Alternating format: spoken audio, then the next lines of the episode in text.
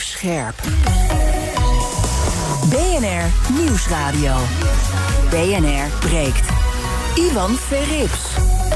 Goedemorgen en welkom. Vanaf half twaalf gaan we praten over het nieuws van de dag. Over de corona-toegangsbewijzen. Zorgen die nu al voor een breukje in de coalitie. Over de roep om een betere wettelijke regelgeving eh, te maken... om grensoverschrijdend gedrag op de werkvloer aan te pakken. En we gaan het hebben over Neil Young. Maar nu even niet meer uh, Rocking in the Free World... want meneer Jong is voorlopig niet meer te horen op Spotify. Gaan we allemaal bespreken vanaf half twaalf. In mijn panel vandaag Fatia Abdi, politicoloog... en kandidaat gemeenteraadslid voor de PvdA in Amsterdam. Goedemorgen. Goedemorgen. En Vereniging Stadelmeijer, zij is directeur van She Consult... en uh, schrijft ook boeken. Goedemorgen, Vereniging. Goedemorgen, Iwan. We gaan beginnen met... BNR breekt. Breekijzer. En dat breekijzer heeft te maken met de woningmarkt. Want niet alleen jij en ik staan in de rij voor een eh, knappe vijf onder één kap in Utrecht-Oost. Ook beleggers slaan toe. En dat lukt ze op de een of andere manier ook nog eh, aardig goed. In het Algemeen Dagblad lezen we vandaag over vooral Amerikaanse investeerders... zoals eh, pensioenfondsen en verzekeraars die toeslaan op de woningmarkt. Voor meer dan 15 miljard euro kochten ze woningen in Nederland in de afgelopen 10 jaar. En dan niet alleen in de grote steden, maar ook in kleinere plaatsen... als Amersfoort en Sertogenbos. Blijkt uit een onderzoek naar de rol van investeerders op de Europese Europese woningmarkt in opdracht van de Groenen in het Europees Parlement. Volgens de Groenen zijn die investeerders mede schuldig aan de absurde stijging van woningprijzen en huren in de vrije sector. En daarom is ons breekijzer vandaag: het moet beleggers verboden worden om huizen te kopen. Wat vind jij? Misschien ben je het er hardgrondig mee eens. Denk je, het kan niet langer zo. Geen starter krijgt nog een kans hier, dus eh, weg met die beleggers. Of heb je zoiets van, ja, uh, ho eens eventjes. Dankzij die belegger is mijn huis ook uh, flink in waarde gestegen. Heb ik een leuke appeltje voor de dorst. En het is niet alleen de schuld van die beleggers. Er zijn ook andere oorzaken en je moet ze ook niet over één kam scheren. Wat vind jij? 020 468 4 0 is ons telefoonnummer. 020 468 4 0 Wil je niet bellen, maar wel stemmen? Doe het via de stories van BNR Nieuwsradio op Instagram. Aan het einde van het half uur krijg je een tussenstandje van me. En ik ga zo meteen dus eh, de bellers aan het woord laten. Maar ik begin bij Maarten de Gruiter. Hij is van projectontwikkelaar Boelens de Gruiter... maker van Vastgoed Gezocht hier bij BNR. Goedemorgen, Maarten. Maarten die zit even in zijn andere huis nog, denk ik, ergens. Uh, een van zijn pannen. Oh, Verenigde wel. Ja, nou. ja. nou, weet je, we gaan even met panel beginnen. hoor je zo meteen nog Johan Konijn. Hij is buitengewoon hoogleraar uh, woningmarkt aan de UvA. Uh, die gaan we zo meteen spreken, maar ik begin even bij Fatja en Vereniging. Nou, Vereniging, zeg maar, uh, weg met al die beleggers. Ja, kijk, wonen is gewoon een eerste levensbehoefte. En daar mag je volgens mij niet mee speculeren. Uh, dat zie je in Afrika gebeuren met, met, met bijvoorbeeld uh, levensmiddelen. hulpgoederen, die gaan dan naar de machthebbers. die dat dan voor veel geld verkopen op de zwarte markt. Dat is niet de bedoeling. Nou, die vergelijking kun je hier in Nederland ook trekken. Ik, het, het moet toch gewoon mogelijk zijn om een fatsoenlijk huis te kopen in Amsterdam of in Utrecht of waar dan ook in Nederland. En dat is op dit moment gewoon niet zo. Omdat er uh, uh, ja, gewoon investeerders zijn die daar enorm mee aan de haal gaan. Hè. In Arnhem bijvoorbeeld die George Soros, die dan uh, vorig jaar 600 woningen koopt van een ja. woningbouwcorporatie. En ze vervolgens voor veel geld doorverkoopt. Mm -hmm. 83 miljoen euro. En torenhoge huren worden er nu gevraagd. Wat een fatsoenlijk mens gewoon niet kan betalen. Ja, ja. ik vind gewoon, het kan niet. Het is eerste levensbehoefte, mag je niet meer speculeren. Nee. Nou, je zal vast inderdaad boefjes op de markt hebben... maar je hebt misschien ook mensen die uh, een huisje of twee huisjes erbij hebben... en die uh, verhuren voor een uh, normaal bedrag. Moet dat ook niet kunnen? Zeg je, het moet gewoon een basisrecht zijn... en geen, geen, ge, geen geïnvesteerd daarin? Nou, ik denk op dit moment is de krapte op de woningmarkt zo groot...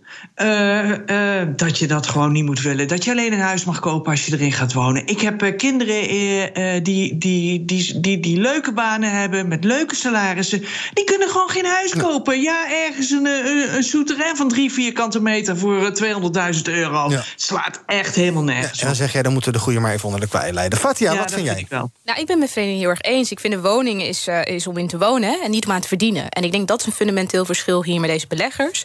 Wat je gewoon ziet is dat uh, de, de, enorme wooncrisis die we hebben in het land... en dat zie je in Amsterdam heel pijnlijk ook... Hè, laatst was ook in het Parool-stuk dat heel veel huurwoningen leeg staan. Die staan niet leeg omdat mensen uh, geen woningen nodig hebben... maar omdat de huren zo hoog zijn. Dat zijn dit soort type woningen die dus opgekocht worden door de beleggers. Ik denk de zelfbewoningsplicht is inderdaad een hele goede eerste stap... maar is veel meer nodig. Um, eergisteren was er ook een uitzending uh, met Sander Schimmel... ben ik, nieuw programma hè, over de kloof. En dan zag ik een gesprek met twee mensen. Hè. Dus nou, eigenlijk wat jij net, Iwan, net Hè, van mensen denken, nou even leuk, wat een pandjes aan te verdienen. En hij vroeg hem van, vind je niet een beetje gek hè, dat wij allemaal belasting moeten betalen, maar dat jij gewoon meerdere pandjes kunt bezitten en daar gewoon nul cent belasting over betaalt. Dat je er gewoon blij, bij spreken slapend rijk van wordt. En ik denk dat dat een grote fundamentele fout is dat dit kabinet heeft gemaakt. Dat ze dat soort huurlasten niet belasten, zeg maar. Ik denk dat dat ook echt nodig is. Ik denk dat de opkoopbescherming ook heel erg belangrijk is. Maar belangrijker nog, ik denk dat we ook meer moeten bouwen. Maar we moeten dus meer betaalbare woningen bouwen. Wat je nu ziet, als je alleen maar zegt bouwen, bouwen, bouwen.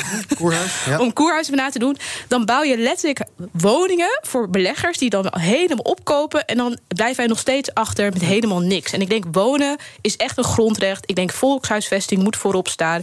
En ik denk dat eigenlijk het nu echt 5 voor 12 is. Dus we moeten alles op alles opzetten om te zorgen dat iedereen, gewoon normale mensen, gewoon een huis kunnen huren, een huis kunnen kopen. En dat is gewoon nu echt heel erg lastig. Ik zei het al, je bent kandidaat gemeenteraadslid voor de PvdA, PvdA in Amsterdam. Dus als ik belegger ben, moet ik niet op jou stemmen. Want zeker niet. Niks op jou dan. Nee, zeker niet. Maar ik denk maar even zonder grap. Kijk, beleggers, het is, mensen denken, oh ja, maar dat moet toch wel kunnen. Ik denk nee. Het gaat ook echt fundamenteel over wat voor keuzes wil je maken in het land. En ik denk de keuze die ik zou maken is dat zoiets als wonen, hè, een dak boven je hoofd, een fijne huis, dat dat, niet, dat dat niet een soort privilege moet worden. Dat het niet een soort verdienmodel moet worden. Dat vind ik echt het heftigste. Er staan bijna van 5000 woningen staan gewoon leeg in de stad. Er zijn zoveel mensen die huis zoeken. Ik ben zelf in de 12, 13 jaar dat ik Amsterdam woon, bijna acht keer verhuisd. Mhm. Iedere keer omdat ik gewoon niet, Ja. niet kon betalen of te krap woonde. Dat is gewoon belachelijk. Wanneer is je volgende verhuizing?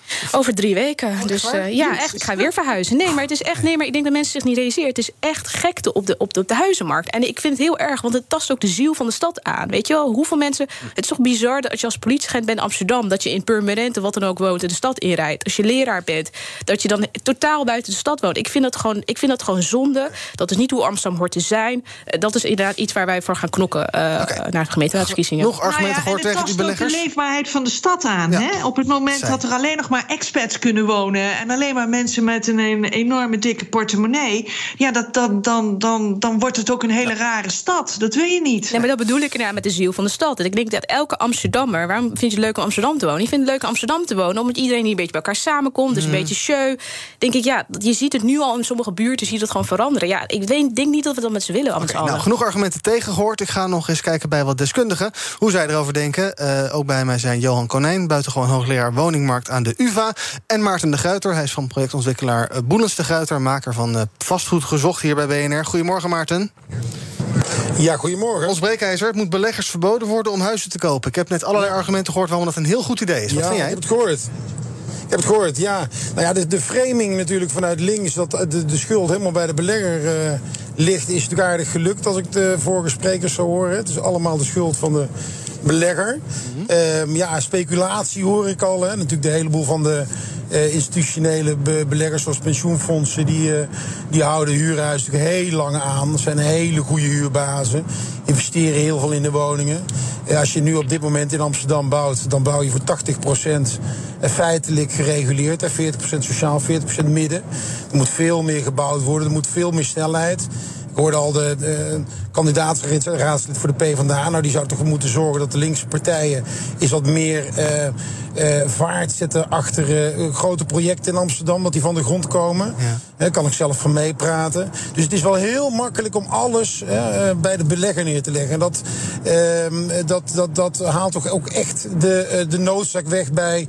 eh, dat er gewoon veel meer ontwikkeld moet gaan worden. Veel meer gebouwd moet worden. En alles wordt over één kamp gescoren. Het mooie van het verhaal van Blackstone is natuurlijk dat Blackstone... daar zit de Nederlandse pensioenfondsen zijn de grote investeerder.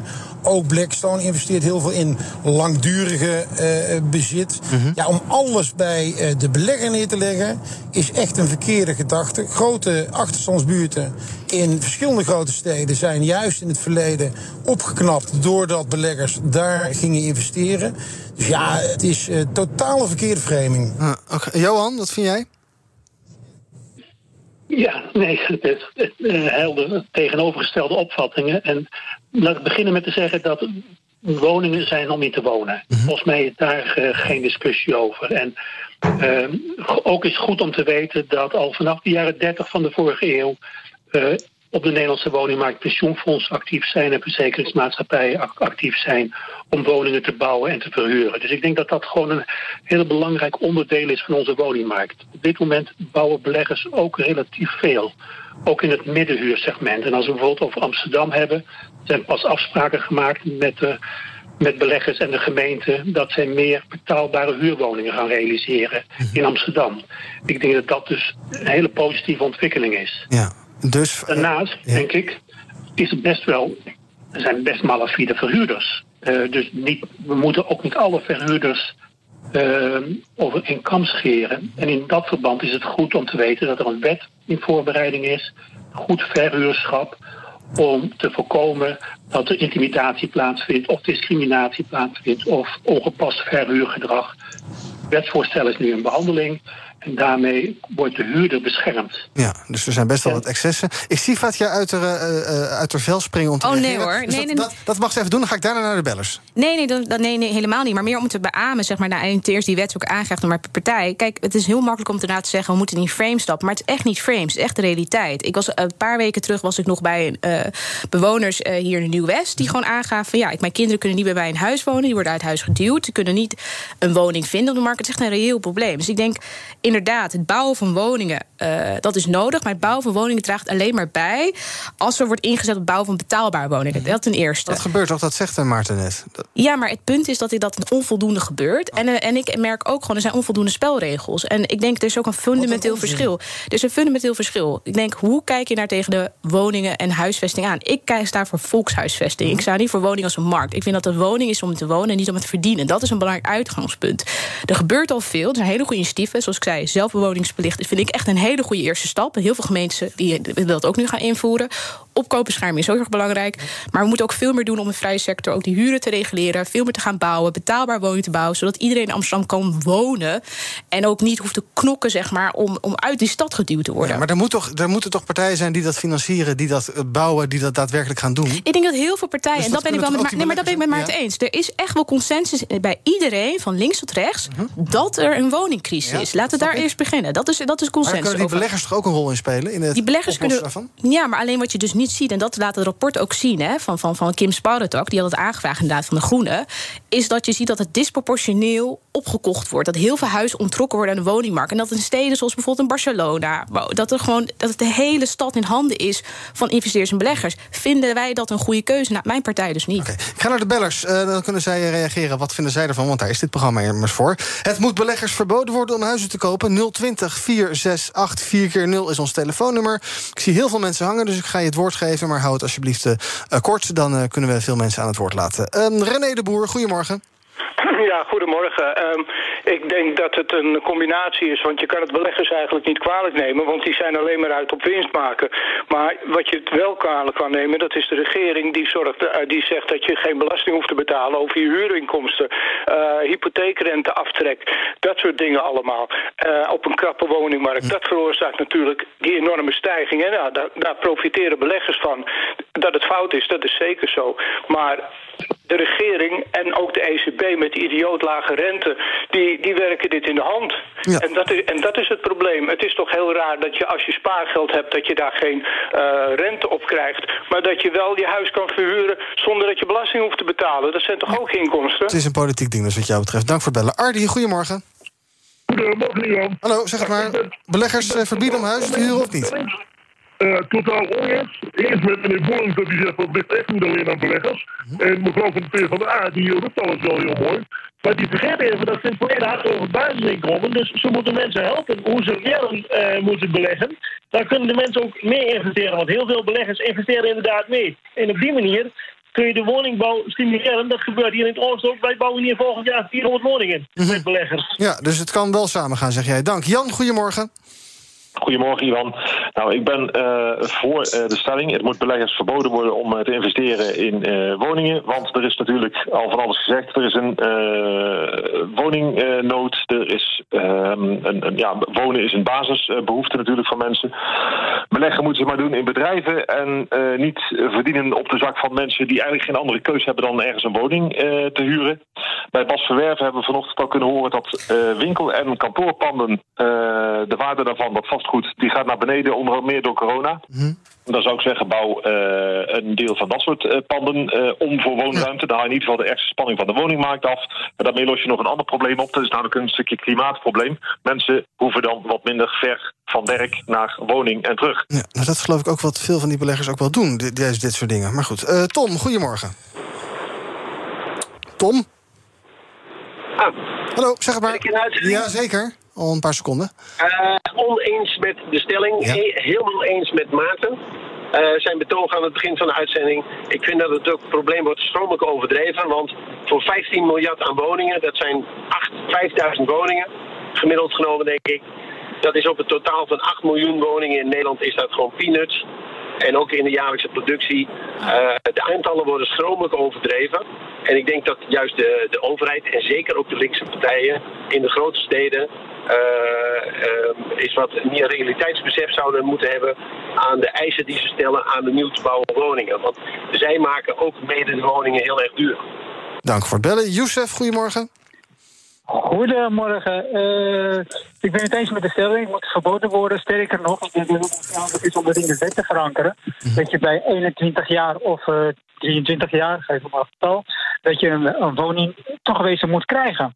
Want dan dwing je ook de regering om in ieder geval ervoor te zorgen dat er voldoende woningen zijn.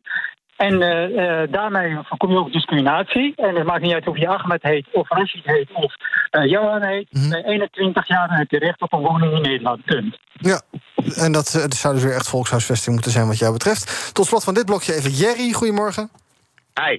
Ehm, die dame van de PvdA noemt het geen huizenmarkt, of noemt het een huizenmarkt. Het is geen huizenmarkt. Die noemt In volkshuisvesting. Amsterdam- In Amsterdam zijn er zoveel regels dat je geen eens ongebruikte woonruimte kan splitsen meer tot kleinere woningen die volop in trek zijn. Want mensen willen sneller alleen wonen, langer alleen wonen. Maar dat kan niet meer, want je moet minimaal 80 meter bijbouwen in Amsterdam. Er zijn in heel Nederland zijn er voldoende woningen die gesplitst kunnen wonen worden, maar dat mag niet meer. Elke gemeente is tegen splitsing tegenwoordig.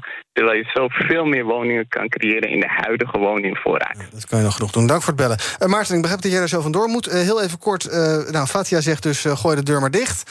Ehm, eh, en, en jij erkent natuurlijk ook niet dat er ook excessen op de markt zijn. Ehm, eh, maar dat zal, wat jou betreft, niet de meerderheid zijn. Hoe, hoe, hoe kan je. Help even hoe jullie toch misschien toch nog iets tot elkaar kunnen komen.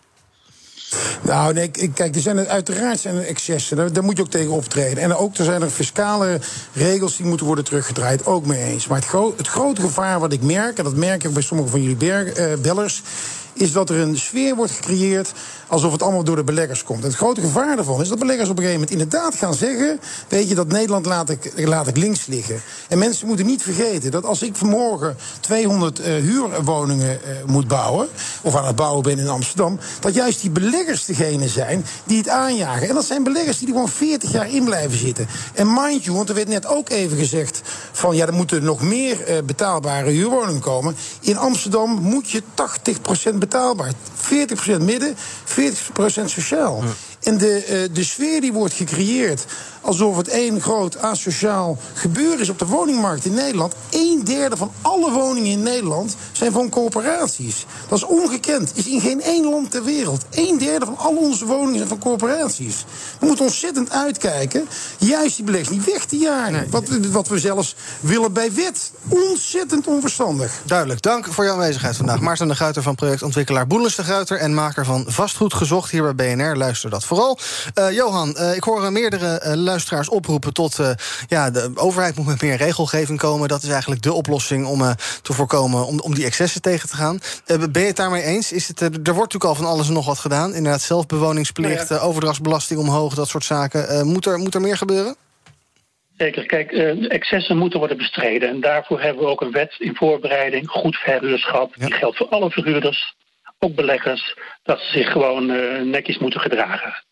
Dat is in voorbereiding en ik hoop dat die wet snel wordt aangenomen. We hebben het net gehad over de zelfbewoningsplicht. Je kunt niet zomaar een huurwoning eh, opkopen en, daar, eh, en die gaan verhuren. Eh, zelfbewoningsplicht, Amsterdam gaat het ook invoeren, ook andere steden. Ik denk dat dat ook een goed instrument is. Maar ik wil toch nog aansluiten bij wat net is gezegd.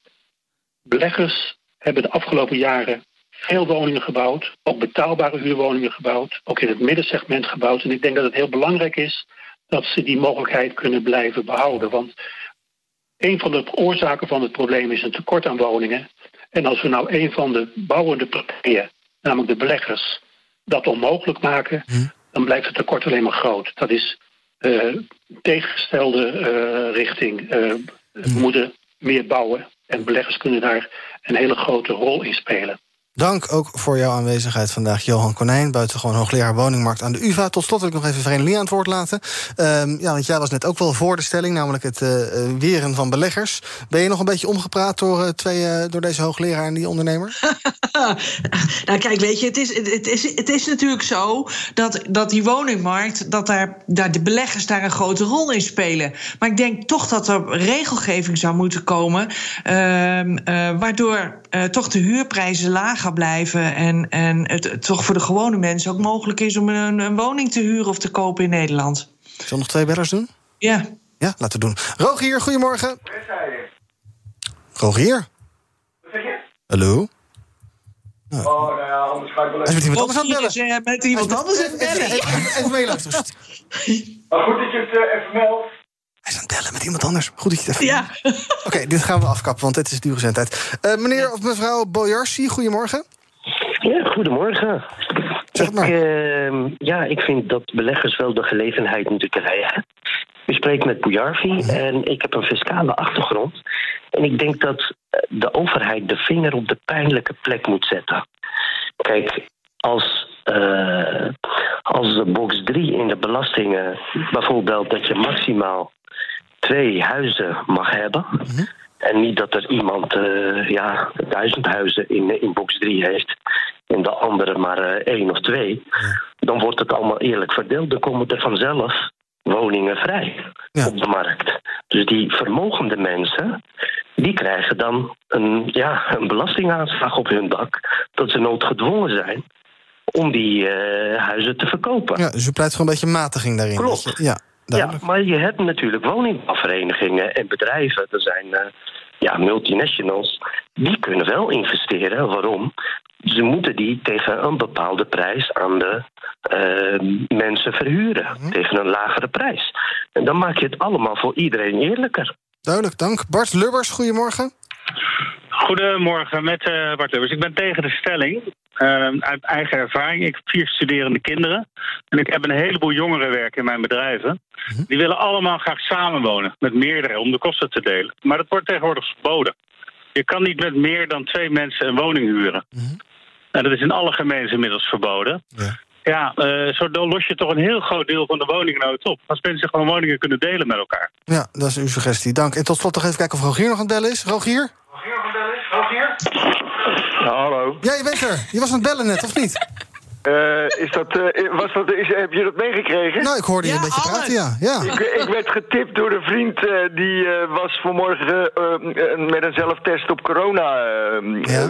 ja, dus dat was een beetje een vervelend bericht. Ja, maar dat, heb ik, daar hebben jullie van meegenoten. Nou, een klein beetje. Ja. Maar wil je nog reageren op de uitzending of zeg je later? Nou, ik wou vooral op een van de gasten reageren... dat de sociale woningbouw was opgericht om vanwege de ellende op de woningmarkt uh, werden de woningcorporaties in het leven geroepen. En die gaan nou de asociale verkopers van uh, uh, sociale huurwoningen uithangen. Hm. Ja, dat is natuurlijk de wereld op zijn kop. Maar dat hebben we dus te danken aan de eeuwige eunig Rutte en zijn mannetje, hoe heet dat, die Blokhoofd? Hm. Of Blok, Blok, Blok ja. minister Blok, die in een, in een crisis niet gaat bouwen, omdat dan de prijzen laag zijn. Nee, die gaat nog eens verhuurderheffingen hoe heet dat, uh, incasseren bij woningcorporaties. Zodat ze helemaal uh, geen geld meer hebben om, of tenminste, nou ja, dat ze minder geld hebben om woningen te bouwen. Slim uh, VVD-beleid. En wie profiteren daarvan? Jawel, de huisjesmelkers en de beleggers. Dank voor het bellen, Rogier. En heb jij twee telefoons dan? Hoe gaat dat? Dat klopt. En uh, uh, voortaan moet je gewoon even ophangen als je privégesprekken... Uh, nee, we hebben maar één zinnetje gehoord. Ik had al heel snel door dat je iets anders aan het doen was. Dus tot ziens, doeg. Yes. Goed, ons breekijzer vandaag. Ehm, het moet beleggers verboden worden om huizen te kopen. Op Instagram is men ook verdeeld. Zo'n 60% is het er mee eens en de rest dus niet. Want we zijn lekker zwart-wit, eens of oneens. En je kan nog de hele dag stemmen op BNR Nieuwsradio op Instagram. Zometeen in het tweede deel van BNR Bereikt bespreken we al het andere nieuws van de dag. Bijvoorbeeld over het corona-toegangsbewijs. Over grensoverschrijdend gedrag op de werkvloer. Daar moet betere wetgeving voorkomen? En ken je die mop van de overheid die zijn eigen vergaderplatform liet bouwen? Werd niet in gebruik genomen, maar kostte wel 9 ton. Zometeen bij BNR Breekt. Bij BNR ben je altijd als eerste op de hoogte van het laatste nieuws. Luister dagelijks live via internet. Jelle Maasbach. Wesley Weerts. We zijn er voor je met het leukste, opvallendste, maar natuurlijk ook het belangrijkste nieuws. Tijdens de presentatie van die halfjaarcijfers toen die beurskoers in elkaar kukkelde. BNR Beurs. Voor de slimme belegger. Blijf scherp en mis niets. Blijf scherp. BNR Nieuwsradio. BNR breekt. Ivan Verrips. Welkom terug. In mijn panel vandaag Vrenelie Stadelmeijer, directeur van She Consult... en Fatia Abdi, politicoloog en kandidaat gemeenteraadslid... voor de PvdA in Amsterdam. We gaan praten over uh, al dat andere nieuws van de dag... te beginnen met het coronatoegangsbewijs. Want het gebruik daarvan moet eindig zijn... vindt Gert-Jan Segers van de ChristenUnie... Eh, partij in de kerstverse coalitie. Um, maar zijn collega's in het kabinet die willen daar nog niet over praten. Volgens Segers is uh, niet alles meer gepast, alle maatregelen... nu we in een endemische fase van het coronavirus terecht komen. Voor de ChristenUnie-fractie is het helder. Een nieuwe fase rond corona betekent dat we niet op dezelfde manier kunnen doorgaan. Als de context verandert, dan moet de proportionaliteit van wetgeving opnieuw worden gewogen. In de endemische fase is de huidige wetgeving niet proportioneel. Het coronatoegangsbewijs is altijd als tijdelijke maatregel ingezet. Ja, zei dus gisteren in de Tweede Kamer. Maar de VVD, eh, Kamerlid uh, Judith Thiele, die reageerde daarop... en die zegt van ja, we zitten nog helemaal niet in een normale situatie. Corona is nog niet onder controle... en dus hebben we dat CTB, coronatoegangsbewijs... misschien nog wel eventjes nodig. Friendly, het uh, coronatoegangsbewijs, ooit ja, ingevoerd als een soort tijdelijke maatregel. Maar we zitten er inmiddels al uh, dik een half jaar, ja. misschien nog wel langer aan. Uh, wat vind jij? Het risico is natuurlijk dat je denkt van nou, het is wel comfortabel, zo'n maatregeltje. Dit laten we nog lekker tijden sudderen en bestaan. Wanneer moet het weg? Ja, weet je, ik word zo langzamerhand een beetje gallisch van iedereen die maar van alles vindt over dat hele corona. al twee jaar lang buitelt iedereen over elkaar heen. En de een vindt dat en de ander vindt dat. Laten we nou gewoon luisteren naar de wetenschap. Wat die zegt. Laten we gewoon ophouden met al die meningen en, en, en weet ik veel wat. Mm -hmm. Gewoon luister naar de wetenschap. Als ik over een brug rij, vraag ik me ook niet bij iedere brug af. Hoe is die wel veilig? En hoe? De een zegt misschien dit en de ander zegt misschien dat. Nee, ik ga ervan uit dat die brug veilig is. Stoppen, luisteren naar de wetenschap en dat gaan we gewoon doen. Maar de, Klaar. vraag, de vraag is een beetje, wordt er wel geluisterd naar de wetenschap? Want er was het onderzoek van de TU Delft. Daarin blijkt toch dat 1, 2, uh, 1G, 2G, 3G... dat dat allemaal maar ja, mondjesmaat helpt. En is het dan dus wel proportioneel? Dat weet ik niet. Daar moet de wetenschap, die zegt daar wat over. Mm -hmm. Ik vind dat we daarnaar moeten luisteren. Ik ga daar gewoon geen mening over hebben. Fatia. Ik ben geen wetenschapper, ik weet het niet. Nee, maar ik snap heel goed wat Frenny zegt hoor. Want ik denk zeker in Nederland uh, heb je het gevoel van dat de hele tijd iedereen inderdaad zijn mening soort van ventileert. En de, in de talkshows en alles. En je merkt, merkt gewoon dat het leidt tot heel veel verwarring. verwarring. Je merkt ook in mijn eigen omgeving dat heel veel mensen gewoon niet zo goed weten van oké, okay, maar wat is waar en waar, waar kan, waartoe moet ik verhouden.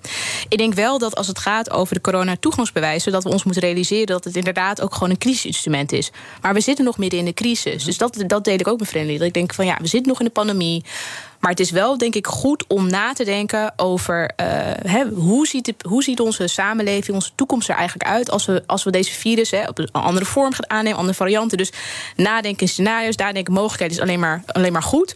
Maar ik deel ook heel erg wat Frenny zegt, het sentiment van uh, laten we alsjeblieft ook een beetje vertrouwen op uh, wat onze wetenschappers ons mm -hmm. zeggen. Laten we een goed politiek debat inderdaad voeren hè, over wat is dan proportioneel, wat is dan nodig.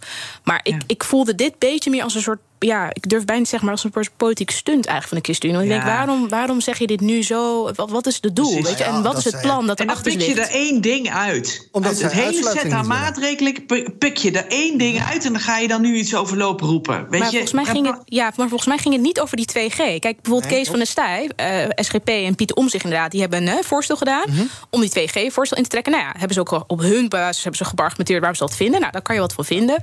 Maar deze uitspraak van Segers voelde een beetje alsof... om om aan te geven van jongens, wij, wij zijn hier ook, wij zijn ook ontevreden. Dan denk ik, ja, is dat, is dat degelijk beleid? Is dat degelijk manier van politiek bedrijven? Dan denk ik, als je heel eerlijk bent, we zitten nog in de crisis.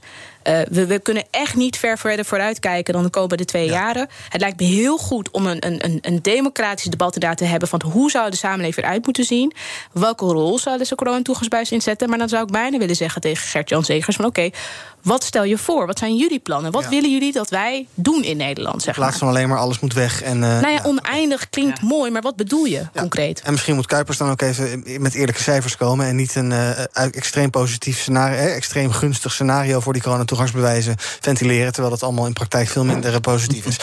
Tot slot, over dit onderwerp. Maarten Heink van de SP die vindt dat er bewijs moet worden geleverd... voor de effectiviteit van maatregelen. Ook Thiele die zegt van, joh, kom eens met een lijst met, met die maatregelen... en in welke mate die bijdragen aan de virusbestrijding. Zou je daar wel, voorst- zou je daar wel voorstander van zijn, eh Vreemdelie? Dat je dus gewoon kan zien... oh, dat coronatoegangsbewijs doet dit, dus dan houden we dat nog even. En, en deze maatregel doet dit, deze maatregel doet dit... mondkapjes doet dit. Eh, dat zou toch heel prettig en overzichtelijk zijn? Of is dat te makkelijk? Ja, tuurlijk. Dat zou heel prettig en overzichtelijk zijn. Ik weet alleen niet of je dat zo kan, eh, eh, kan laten zien. Eh, maar dan nog, we zitten nu in een crisis. en ik ben het helemaal met Fatia eens. Eh, eh, eh, laten we nu gewoon eerst zorgen dat we daar een beetje uitkomen. en kijken naar een lange termijn planning. Gewoon en dan ook alle maatregelen in, in de brede context plaatsen. Laten we even kijken wat jullie eh, opgevallen is in het nieuws vandaag. Uh, Vreemdelie, jij wil het hebben over de documentaire serie Reference Man. Ja, een serie ja, ja, over ja, ja, eh, ja, ja, ja. de standaard witte man... die eh, standaard 80 kilo weegt, 1,75 meter is. Ja, En ja, ehm, ja. een serie die in Ja. de tweede week van januari... bij de NPO te zien is. Nog steeds terug te kijken trouwens op npo.nl. En het gaat erover dat ja, de invloed van die, eh, van, die, van, die, van die standaard man... die is soms overduidelijk en soms ook helemaal niet. En de mensen die niet op hem lijken... die merken daar de effecten het meest van. Luister even mee. Onder andere in de, eh, in de medische wetenschap. Bijna al het onderzoek, bijna alle medicijndoseringen, allemaal zijn afgesteld op de standaard man. En dat betekent dat er veel meer kennis is over het mannenlijf dan over het vrouwenlijf. Ja, dit zei de maker hier bij BNR. Sophie Frankenmolen is dat die deze docu-serie maakt. En Wat, heb jij ervan, wat heb jij ervan geleerd? Ja. Vond je dit zo Nou, het is echt een prachtige serie. eh, heel eh, eye-openend, eh, eh, vond ik. Ehm, en ook als je met die serie in het achterhoofd kijkt naar wat er nu allemaal gebeurt met de Voice of Holland. Ook daar is de norm man. ehm, eh, met mannelijk gedrag. Eh, en dat kan gewoon niet meer. Alle Nederlandse vrouwen werken bijna. Doen mee aan, aan, eh, op de werkvloer. Dus ook de cultuur in bedrijven en organisaties moet een cultuur zijn waar vrouwen zich ook veilig voelen en waar vrouwen zich, zich kunnen uitspreken. En, en gelukkig verandert het. En gelukkig eh, komen zulke soort dingen als bij The Voice nu, nu, nu aan eh, bod. Eh, en zo'n serie als The Reference Man laat ook gewoon weer heel duidelijk zien dat de norm man is. Er was van de week ook een serie bij de NPO over endometrose. Dat is een vrouwenziekte. 20% van alle vrouwen heeft daar last van. Dat is een ongelooflijk aantal. En er wordt gewoon bijna geen onderzoek aan gedaan. Ik had er nog nooit van gehoord. Daar, nee. Oh, echt? Nou, Endometrose? Ja, Ja. nou, endometrose, ja, dat is dat, eh, plat gezegd, dat je stukjes baarmoederslijmvlies aan de buitenkant of in je buik hebt, die dus meedoen met de menstruatie en wat ontzettend veel pijn eh, veroorzaakt. Hè. En in, in, die, in die documentaire werd, eh, st- stelde een van die onderzoekers, die zei van, eh, ja, als 20% van de mannen zulke pijn aan hun piemel zouden hebben, dan was dat, wa- waren dat miljarden ingestopt en was het al lang opgelost. Ja. Wat zou Nou, eerste... waar, waar ik, nou ja, waar, waar, waar ik naartoe wil, is dat we ook weten dat het brein van vrouwen anders is. Hè? Eh, eh, en dat zien we ook op de werkvloer. En dat heeft ook gevolgen op de werkvloer. En daar heeft eh, Sophie het ook over in eh The Reference Man. En wij doen eh, samen met Iris Sommer daar eh, veel aan om ook werkgevers ervan te overtuigen. Dat ook op de werkvloer het speelt dat vrouwen anders zijn. En dat die norm van die witte, fitte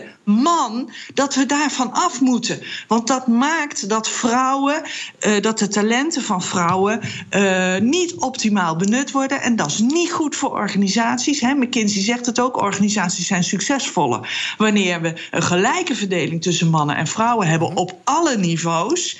Ehm, eh, dus dat betekent dat werkgevers daar gewoon veel meer aandacht aan moeten geven. Want vrouwen zijn anders. En vrouwen verdienen het om anders behandeld te worden.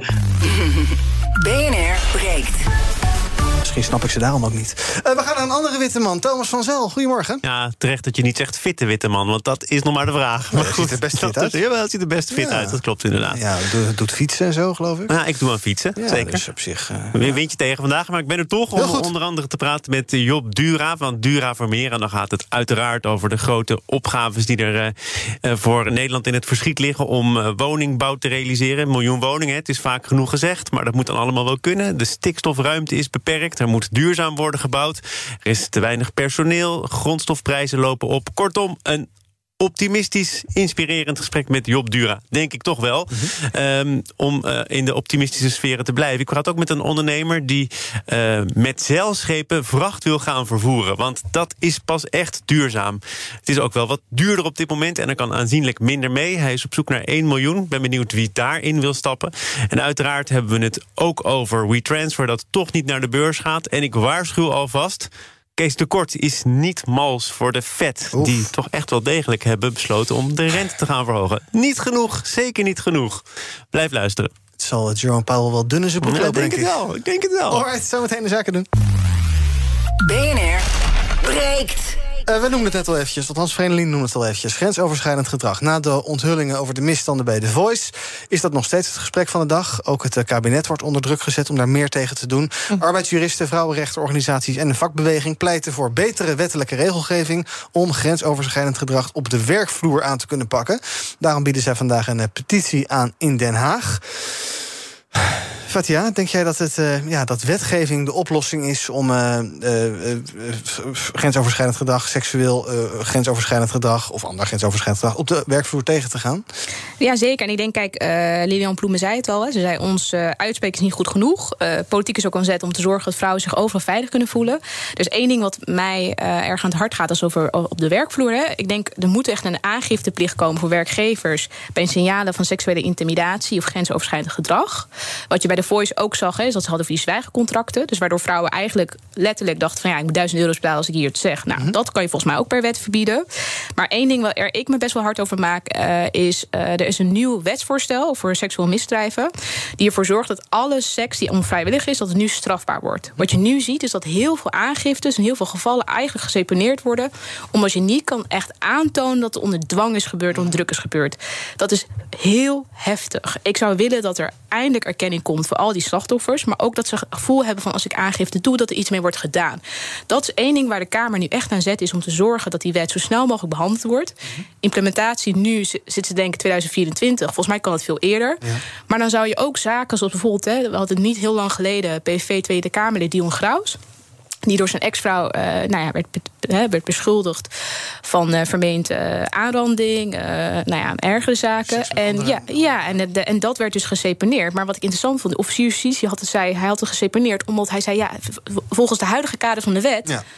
kunnen we hier niks mee. Nee. Waardoor hij eigenlijk impliciet impliceerde van ja, als we, als we wet, nieuwe wetgeving, dan zou dit wel een zaak kunnen worden. Nou, ik vond dat best wel heftig. Dus ik denk, daar moeten we echt wat aan doen. En ik denk, nou ja, ik weet niet hoe het met Vreemdeling zit... maar ik denk dat iedere vrouw in Nederland... en ik moet ook zeggen, het is niet alleen voor vrouwen... heel veel mannen hebben het ook mee te maken... gender mensen, maar toch, ik moet vanuit mijn eigen ervaring spreken... Mm -hmm. je hebt zo vaak te maken met uh, seksueel grensoverschrijdend gedrag... dat het bijna normaal is geworden. Weet je, ja. je, bent, je anticipeert het al, je wordt altijd met z'n tweeën in een soort ruimte zitten... je weet wie de mensen zijn die zeg maar, over je grens heen gaan. Volgens mij moeten wij een gesprek hebben wat heel duidelijk is in het land... van hè, als iemand over jouw grens heen gaat, dat dat niet kan. En daarbij hoort dat de wetten deugen, daarbij hoort dat de politiek aan zet is. En dat is niet alleen op de werksfeer, helaas, dat is ook vaak gewoon in eigen kring. Dat je gewoon duidelijk maakt, hè, als er iets gebeurt en jouw grens wordt overschreden, er wordt iets mee gedaan. Ja, in plaats van dat het in een la verdwijnt. Vreemdeling, wat is jouw analyse? Uh, nou ja, eigenlijk zou je het op school al moeten be bespreken in de klas hè, met kinderen. Dat je, wat zijn je grenzen? Hoe geef je je grenzen aan? Wat kan wel, wat kan niet? Hoe kun je aan iemand zien dat je iets gezegd hebt of iets gedaan hebt wat uh, uh, die ander niet fijn vindt? Weet je, gewoon heb het daarover in klas. En ik ben ervan overtuigd dat dat op veel scholen ook gebeurt. Maar het zou nog beter. En ouders zouden dat ook moeten bespreken met hun dochters, maar zeker ook met hun, hun zonen. Ja. maar die, die die, die, eh, dat voorstel waar jij het eh, net eh, over hebt, hè, Mm. eh, dat, dat, dat gaat over het ratificeren van een verdrag. Ja, een klopt. verdrag eh, van wat, wat Nederland Dus boel, ingestemd heeft. Hè, ehm, eh, wat geweld en intimidatie op de werkvloer moet tegengaan.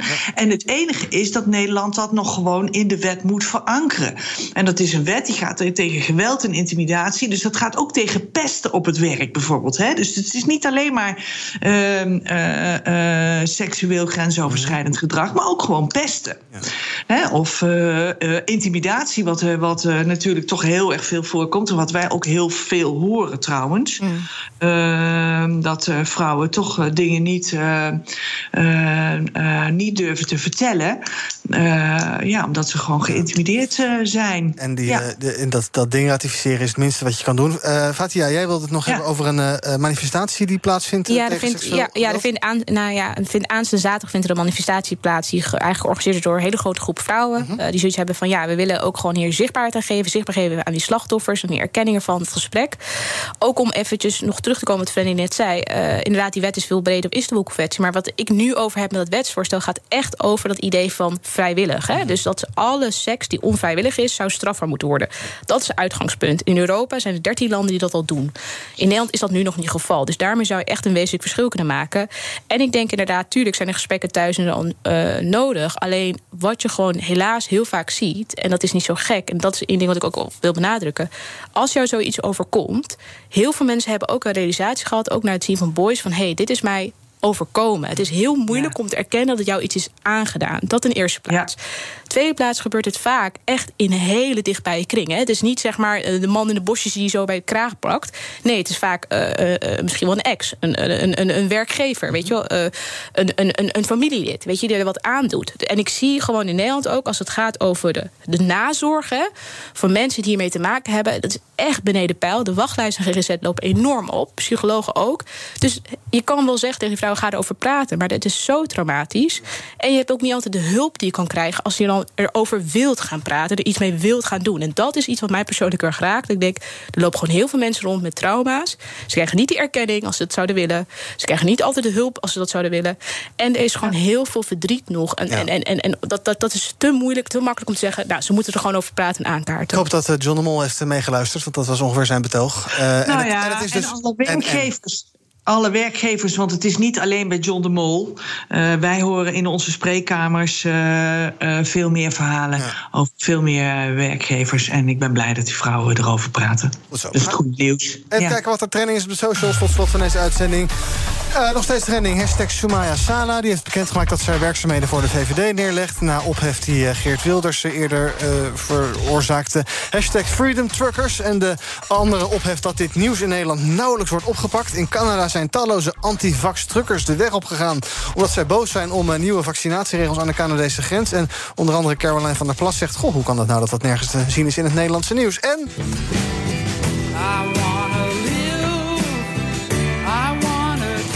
Spotify, daar is deze man even niet te horen. Hier op BNR wel trouwens, maar wij hebben Joe Rogan dan maar niet. Um, de zanger heeft namelijk zelf gevraagd om zijn muziek te verwijderen... zolang de Joe Rogan Experience online staat. Jong vindt dat uh, Joe Rogan in zijn podcast allerlei nepnieuws... over het coronavirus verspreidt. En ja, Joe Rogan is niet de minste. Het is uh, waarschijnlijk de best beluisterde podcast ter wereld.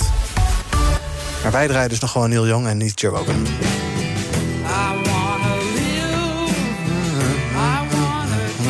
Leuk. Nog een hele korte afsluiter. Het ministerie van Binnenlandse Zaken heeft geprobeerd om een eigen systeem voor videovergaderen te ontwikkelen. Een soort Teams of Zoom of hé, hey, dat bestaat al, want die namen noem ik net. Het mislukte experiment heeft bijna 900.000 euro gekost en werd vanwege tijdsdruk uh, niet aanbesteed, maar aan een stichting van een eigen ambtenaar gegund. Uh, Fatia, dit is natuurlijk een beetje een raar verhaal. Uh, heb jij nog interesse in een softwarepakket waarmee je kan video vergaderen? Zij 900.000? Ja. Oh, nou, misschien kon Siewert uh, wel helpen. Weet je, dat lijkt me wel iets voor hem. Een nieuw, nieuw, uh, nieuw handeltje waar hij kan beginnen. Ja, lijkt me een uitmuntend idee. Die heeft hem niet genoeg verdiend de afgelopen tijd. Dank voor jullie aanwezigheid vandaag. Fatia Abdi en Vereniging Stademeijer. Morgen is BNR Breekt er weer. Dan met Kees Dorrestein, denk ik zomaar. Tot die tijd kun je ons volgen via de socials. Uh, YouTube, Instagram, Twitter. Zoek maar even, dan vind je ons vanzelf. Ik zie Thomas van Zel al lopen. Kijk, hij komt er zo aan. Hij wijst nog even. En hij staat een beetje te kletsen nog in de gang. Hij pakt zijn gast nu en hij komt hierheen. En je kan hem zo meteen horen hier op BNR met Zaken doen. Bij BNR ben je altijd als eerste op de hoogte van het laatste nieuws. Luister dagelijks live via internet. Jelle Maasbach, Wesley Weert. We zijn er voor je met het leukste, opvallendste, maar natuurlijk ook het belangrijkste nieuws. Tijdens de presentatie van die halfjaarcijfers toen die beurskoers in elkaar kukkelde. BNR Beurs. Voor de slimme belegger. Blijf scherp en mis niets.